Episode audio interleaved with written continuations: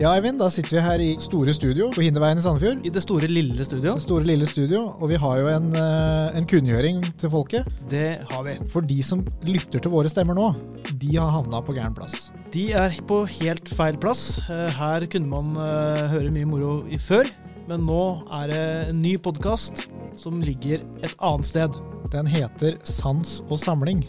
Så de nye episodene ligger jo der. Så podkasten ligger jo for så vidt samme sted, da. Ja, det var litt klønete Så sagt. helt gærent er du ikke kommet. Nei. Du må bytte podkast, Ja, for tidsfordriv er ferdig. det var det jeg mente, da. Det var det Eivind Ja. mente.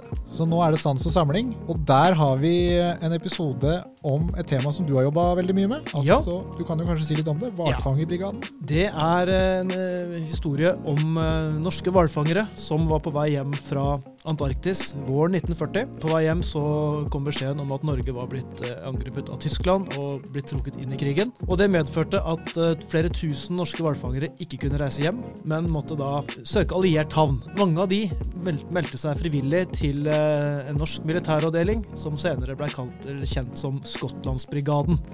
Så denne episoden her så har vi da fått besøk av en som kan mye om dette her, George Michael Bratli, som forteller hvordan de norske hvalfangerne gradvis ble soldater, og veldig, veldig gode soldater.